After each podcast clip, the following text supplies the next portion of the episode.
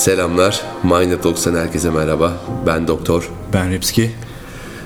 Yeni bir bölümle karşınızdayız. Ripski, ne konuşacağımız konusunda bir giriş yap. Onun üzerine konuşalım o zaman. Yani ben bir şey söyleyemiyorum şu an. Tamam. Ben zaten konu başlıkları var biliyorsun. Her zaman. 100 bölüm demiştik. Yaklaşık- 100. bölümde bitiriyor muyuz konuyu? Yo, buluruz o sırada yine Okey. konu başlıkları. 100 bölüm hazırlık yapmıştım ben zaten. Ama bir tane böyle araya bir bonus bölüm atmak istedi canım. Hadi yapıştır o zaman. Başlıkların dışında. Senin bir tane basılı kitabın var. Oo. Biraz, Oo. biraz bahsetsen ya bize. Oo, buradan geleceğini hiç beklemezdim. Biliyordum. Vay. Bundan 3 yıl önce ben bir tane kitap yayınladım. Adı 69. Kitabın detaylarını mı anlatacağım ben burada? Yani niye yazdın? Nasıl Hani- yazdın? Bayağı da güzel kitap ben. Eyvallah, Hiç kitap okumayan ederim. biri olarak çok beğendim. Teşekkür ederim.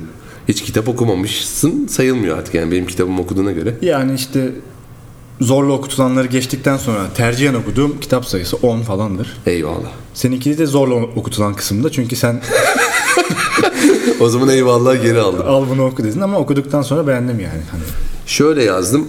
Ee, şimdi benim hayata biraz bakış açım biraz farklı. Herkesin kendine göre farklılıkları olduğu gibi benim de farklı. Bir insanın yapmak istedikleri vardır. Ee, bir de e, yaptıkları vardır. Yaptıklarıyla yapmak istedikleri arasındaki farklar üzerine düşünmeye başladım ve aklıma ilk baş şöyle gelmişti o konu. Ee, bir tane adam vardı. Adam Bursa'da bir kasaptı. Ee, daha sonra İstanbul'da da travestilik yapıyordu. Bunun- gerçek hikaye mi? Hayır benim uydurduğum bir hikaye şu an. Şu an uydurdum hatta. Aslında Bursa'da travestilik yapsa da Daha çok para kazanır. kalıbına oturur bir durum olur. Hayda. Şimdi öyle olunca e, hep hayatımızda şöyle bir durum var. Yandaki çim daha yeşil gözüküyor. Yani yandaki çime özeniyoruz. Hiçbir şeyle yetinemiyoruz. Hep bir farklılıklar, hep bir yenilikler, hep bir istekler doğrultusunda hareket ediyoruz. Yanda da çim kalmadı be. Her yer beton. Öyle olduğu zaman e, işte hayat kötü oluyor. Bunun üzerine oturdum. E, O zamanlar bir kurumsal şirkette satış yöneticisiydim. Çok da boş vaktim vardı. E, İşte insanlar beni çalışıyor sanarken ben kitabı yazdım. Yazmaya başladım. 6 ayda yazdım bu kitabı. İki tane karakter var. Kitabı da anlatıyorum. Zaten 85 tane satıldı. 1000 tane bastırdım. 85 tane satıldı. Belki bu yayından sonra böyle 5. baskıya falan girer. Olabilir. Ya, gerçi şu an e, tekrar basılma ihtimali var. Şöyle kitabı anlatıyorum o zaman ben. E, bir tane Steve Knight diye bir karakter var. Steve Knight Amsterdam'da yaşıyor. Escape diye bir tane de hakikaten de Escape diye bir mekan var. Bu arada ben bu kitabı yazarken Google, Maps sağ olsun işte üç boyutlu e, gezinmeyi çıkarttığı dönemde başladım ben bu kitabı yazmaya. Amsterdam'da sokak sokak hiç gitmedim bu arada Amsterdam'a. Amsterdam'da sokak sokak gezerek işte kitabı yazdım. Escape diye bir mekan var Amsterdam'da. Böyle gece kulübü. İşte e, David Guetta'nın falan filan sahne aldı. Böyle bayağı da ünlü bir mekan. Or, oranın e, işletmeciliğini yapıyor bu herif. E, Slovakya'da doğmuş. E, bir e, yetimhanede yetişmiş. E, yetimhaneden kaçıyor Amsterdam'a geliyor. Amsterdam'da geceleri geceleri yaşıyor bu adam. E, geceleri sağda solda takılırken e, bir barda çalışmaya başlıyor. Barda çalışırken de e, o Amsterdam'ın çok ünlü bir mafya babasının hayatını kurtarıyor. E, mafya babasını e, vuruyorlar. O da onun hayatını kurtarıyor. O da bir ona hayat borcu olduğundan dolayı onun e, işte çok ünlü bir gece kulübünün işletmeciliğini veriyor falan arkasında duruyor yani babalık yapıyor. Ama hayatını kurtarış şekli de böyle çok kendi içinde soru işaretleri barındırıyor değil mi? Yani herkes ulan bu dingil bunu nasıl be- becerdi? Evet evet yani çok saçma çünkü adamın kalbinin soluna kurşun geliyor. Ee, bu herif orada e, çok e, hızlı Çok bir şey. aşırı tıbbi yaklaşıyor mesela. Tabii tabii çok tıbbi yaklaşıyor Yani ve yetimhanede büyümüş, bar işleten biri için hiç hiç beklenmedik alakası yok. Hiç alakası yok. Ee, kadınlara düşkün, e, uyuşturucu kullanıyor, geceleri yaşıyor, yakışıklı da bir adam. Böyle bir karakter. Bunun tam tersi İstanbul'da yaşayan Güven Yücel diye de bir karakterimiz var. Güven Yücel de beyin cerrahı. Çok başarılı bir beyin cerrahı. Doçent. İşte golden finger falan filan diyorlar ya bu beyin cerrahlarına filan böyle çok e, tehlikeli ameliyatları filan başarıyla gerçekleştirebilen bir adam. Evli, bir tane kızı var. Çok mutlu. e, her şeye sahip. E, ama bu adam da gündüzleri yaşıyor. Geceleri hayatta yok yani. E, böyle bir iki karakter. Aslında bunlar ikisi aynı karakter. E, biri uyuduğu zaman diğerinin vücudunda uyanıyor. E, ondan dolayı işte o gece kulübünün sahibi olan adı da Tito. Mafya babasının hayatını Steve öyle kurtarabiliyor. Çünkü aslında Steve güven. ikisi aynı insan. Daha sonra Güven Yücel bir akşam e, yatıyor. Steve Knight olarak vücudunda uyanıyor. Ama e, bu sırada Güven e, fazla yüklenmeden çünkü iki tane hayata tek bir beyine indirgemek biraz zor olduğundan dolayı beyin kanaması geçiriyor. Bu nedenden dolayı Steve uyuyamıyor. Atlıyor İstanbul'a geliyor. Başka bir vücutta kendi karısıyla, kendi diğer hayatında olan bütün kişilerle tanışıyor. Ve gidiyor o diğer hayatındaki bedenin beyin ameliyatını gerçekleştiriyor. Çünkü o da bunu yapabilecek Biliyor, bir durumda. Ee, güven uyanmıyor yine de. Diyor ki büyük ihtimalle bir seçim yapmam lazım. Ya zaten e, kitabın en başındaki konu şuydu. Her seçim bir vazgeçiştir. Yani bir şeyi seçiyorsan bundan son önceki ya da sonraki bütün seçimleri bertaraf ediyorsun. Hayatta böyle yani. Şu an bizim mesela şu an burada bu radyo programını yaparken diğer bütün seçenekleri iptal etmiş oluyoruz. Ben çalışıyordum mesela durduk yere Aynen. zarara girdik. Aynen zarar. Yani seçenekler sonsuz. O seçeneklerden birini seçtiğin için aslında sen sen oluyorsun. Burada diğer seçeneklerden birini yani hepsini vakıf olamazsın. Diğer seçeneklerden birine daha vakıf olabilen bir hayatı nasıl bir kitap haline gelir diye düşündüm ve bunu yazdım. Ee, ve en sonunda da şuraya vardım. Yine yapman gereken bir seçim oluyor ve yine Steve Knight bakıyor. Karısı çok üzgün kızı var. Böyle bir hayatı var. Ve intihar ediyor. Kendi bedeninden diğer bedeninden vazgeçiyor ve Güven Yücel gözlerini açıyor ve kitap da böyle bitiyor. Sen nasıl yorumluyorsun bu kitabı? Okumuş biri olarak. O zaman buradan geldiysen bonus bölümde. Yani kitap bir kere yani şimdi nasıl anlatalım? Hiç de böyle jargonla hakim olmadığım bir alana girdiğimiz için böyle biraz düşünerek konuşayım da kitap severler bizi taşlamasın. oğlum ben de o jargona sahip değildim yazdım ama Yani sen yazdıysan ben yorumlarım o zaman. eyvallah öyle öyle öyle gidelim Sen ya bilmeden yazdıysan ben de bilmeden- bilmiyorum yani ben çok da umurumda da değil Ya ben o- okumakta güçlük çekiyorum. Şimdi onu Rejiden sesler geliyor. ben niye kitap okumuyorum? Ee, önce onu bir izah etmeye çalışayım. Kızmayacaksa dinleyenler. Kitap bir kere günümüz bilgi aktarım hızına oranla biraz yavaş geliyor bana. Bir de e, bir ara bakmıştım. Ben bir ara kitapçıda çalıştım bu arada.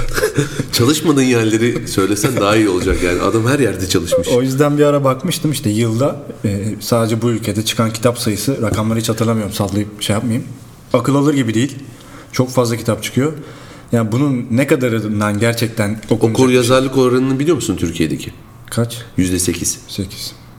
Ya o, inan daha fazla kitap çıkıyor. Yok inanılmaz daha fazla çıkıyor. O okur yazarlık oranının içerisinde bir de gazete de dahil. yani okur yazar kısmının okur kısmı yazar kısmından daha az demek ki. Ben ona giriyorum. Evet işte ne kadarından bana bilgi çıkar bu kadar zaman kaybetmeye değmez. Ben direkt ulaş yani ulaşmak istediğim bilgiye direkt bilgiye ulaşayım şeklinde bir karar alaraktan. Ondan 85 tane satıldı zaten. Benim gibi çok insan var. bir taraftan da şöyle bir sıkıntı var. Kitap okumak ne kadar böyle baş üstünde tutulsa da aslında yine özünde bir tüketimdir. Kitap okumak insanı daha iyi mutlaka yapar ama o bilgiyi de... o- Buradan tüme varırsak Ama şöyle işte- bir durum yok mu? Dur şu cümleyi bitireyim Pardon. yanlış anlaşılmasın. O aldığım bilgiyle bir şey üretene kadar yine hiçbir şey değil. Yine tüketim. Yani ben üretim başladığı anda alkışlarım. Anladın mı? O yüzden tüketme kısmında hala alkışlamaya gerek yok. Şimdi benim o kitabı yazmamı alkışlıyor musun? Böyle sorayım. Tabii sen mesela bugüne kadar okuduğun şeylere bakmışsın demişsin ki yazılabiliyor demek. Sen oturup bir şey yazmışsın. Sen üretim tarafına atmışsın kendini. O zaman alkışladın yani. Sana alkış. Eyvallah. Ama ben okudum ben hala tüketicisiyim. Ben kitap okuyarak e, alkış hak edecek bir şey yapmadım şu an. Ama hayata baktığın zaman her anımızda bir tüketim yok mu? Var ama işte zaten tükettiğinden fazla yani İkisini en azından eşit tutman lazım. Üretim ve tüketim. Anladım. En azından eşit. Anladım Bana abi. göre üretim biraz fazla olmalı ki borçlanmayasın. O Bo- yüzden bo- borçluluk kesinlikle bir konu olması lazım. başka bölüm konusu. O yüzden kitaba biraz da o taraftan karşıyım. Yani kitap okumak böyle ne olursa olsun alkışlanan bir mesele. Ha okuyorsan tamam. Okuyup ne yapıyorsun diye kimse sorma ikinci aşamaya geçmiyor. Okum, okuyor olman yeterli gibi bir tavır var. Aslında okuyor olmak yeterli değil. Okuduğunla yaptığın şeyler başlıyor mesele. Ben de okuduğumla bir şey yapmam meselesi çok vakit kaybı olacağından daha çabuk beni bir şey yapmaya götürecek yolları tercih ettiğimden kitaba uzak duruyorum. Yoksa kitap konusunda hani kitap okumamasını demiyorum kimseye de. Benim için böyle durum. Tüm bunlara rağmen işte kitap okuduktan sonra e, okurken güçlük çekmedim. Yani oku, çok okumayan birisi olduğum için ben okurken çok güçlük çekiyorum. Çünkü daha böyle bir sayfa okurken ikinci sayfadayken kafamda başka mevzular dönmeye başlıyor. O bende de oluyordu ya. Yani özellikle klasiklerde falan çok sıkıntı Tabii yaşıyorum. yani hemen aklım başka Tasvir, yerlere tasvir gidiyor. O böyle. yüzden çok böyle kafamı dağıtmadan okuyabildim. O çok güzeldi. Biraz da torpil yapmış olabilirim tanıdığım için. Eyvallah. Ama yine de güzel bir kitap. Bir de onun dışında mesleki deformasyon olabilir. Şey dedim bu film olur. Zaten e, ya ben de e, film olması amacıyla yazdığım bir kitaptı. Hmm. Demek ki o hissediliyor biraz. Yani o film olabilecek e, dolguluk, dolgunlukta bir senaryo aslında. Ama filmini çekmek masraflı olacağından o biraz zor satar. Evet zaten şöyle bir durum var. Ee, aslında ben bunu ilk baş senaryo olarak yazdım. Birkaç tane yayın, ev, yayın evi diyorum ya. Yapımcıya gönderdim. Ee, fazla maliyetli olduğunu düşündükleri için Tabii. dedim ki ben bu harcanmasın bari kitap olarak bir şeylere gitsin. Ondan sonra olabilirse olur diye düşündüm. Ve olmadı kaldı. Ya şimdi düşünüyorum bazı objeler içerideki gece kulübü sürekli insan dolu 100 lira versen kişi başı tabii tabii. Lamborghini falan vardı teknede e, hatunlar falan bir şeyler bayağı masraf. Amsterdam'da geçiyor yarısı İstanbul'da İşte geçiyor. kitap olunca bak mesela kitabın böyle bir güzelliği var. Tabii. Ata Anladın mı? At- atabildiğin kadar atabiliyorsun. Mesela senaryo olarak yazsam ben bunların hepsini indirgemem lazım. Öyle Amsterdam'da değil Eskişehir'de geçiyor. Orada da kanal var ya benziyor biraz. saat farkı olması lazım. Evet saat farkı olacak. Biraz vardır gerçi. Eskişehir'le mi? 4 dakika iki meridyen arası. Şey Ramazan'da hissediyoruz daha çok bir şey. Artık kapatalım diyor Reci. Evet reji bize oradan. Evet, evet. Burada da yazdığını bilmiyor sanırım. O Reci'ye laf sokup. Ee, toplamak gerekirse güzel kitap. Bence kitap okumayı sevenler bir şekilde edinsin ve okusun. Eyvallah güzel oldu bu. Sağ ol teşekkür ederim. Ama bu bir, arada, bir dakika bu kapatmadan bir şey daha soracağım. Aslında onu da soracaktım. Sordum hatta. Ne oldu da kitap yazayım dedin yani? İnsan öyle durup dururken kitap yazayım demez. ya insan kendini ifade etme yolları arıyor bence dünya içerisinde. Çünkü bir, buraya böyle gözünü açıyorsun böyle hiç bilmediğin bir ortamdasın. Ve e, insanları kendine hani sen birkaç bölüm önce şeyden bahsetmiştin. Hangisinden önce ya da sonra bilmiyorum ama sosyalleşme isteğinden bahsetmiştin hatırlıyor musun? Sosyal kabullenme. Sosyal kabullenme. Evet benimki de belki de bir sosyal kabullenme olarak düşünülebilir. Ee, içimde biriktirdiğim bir sürü düşünceyi bir şekilde aktarma isteği doğuyor insanda. Ee, baktım bunu film yapamıyorum. Bunu başka bir şekilde aktaramıyorum. Dedim ki kitap yazayım. Bunu bulabildim yani.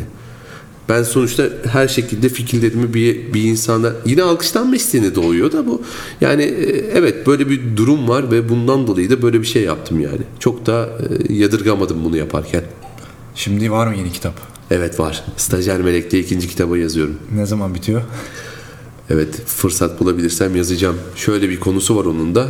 Ee, 21 yaşındaki bir melek staj için dünyaya gönderiliyor. 7 yıllığına dünyada kalıyor. Son 3 gününde diyor ki ben bu insanlara e, bir şeyler bırakayım. Aslında cezalandırılacağını bilse bile diyor ki ben bir kitap yazayım ve bu insanlığa belki bir katkı sağlar deyip 7 yıllık staj dönemini insanlara bilgi olarak aktarmayı seçiyor. Öyle bir kitap. Bunu da mı travestilerden etkilenerek? Her şeyi travesti. Ya buraya vurma çok kötü oldu. Okuyacaklarsa bile ben homofobik bir adamım. Bu arada travestilere niye vurayım? Diyerekten kapatalım bence. Burada konu kapansın. Herkese iyi akşamlar o zaman. İyi akşamlar.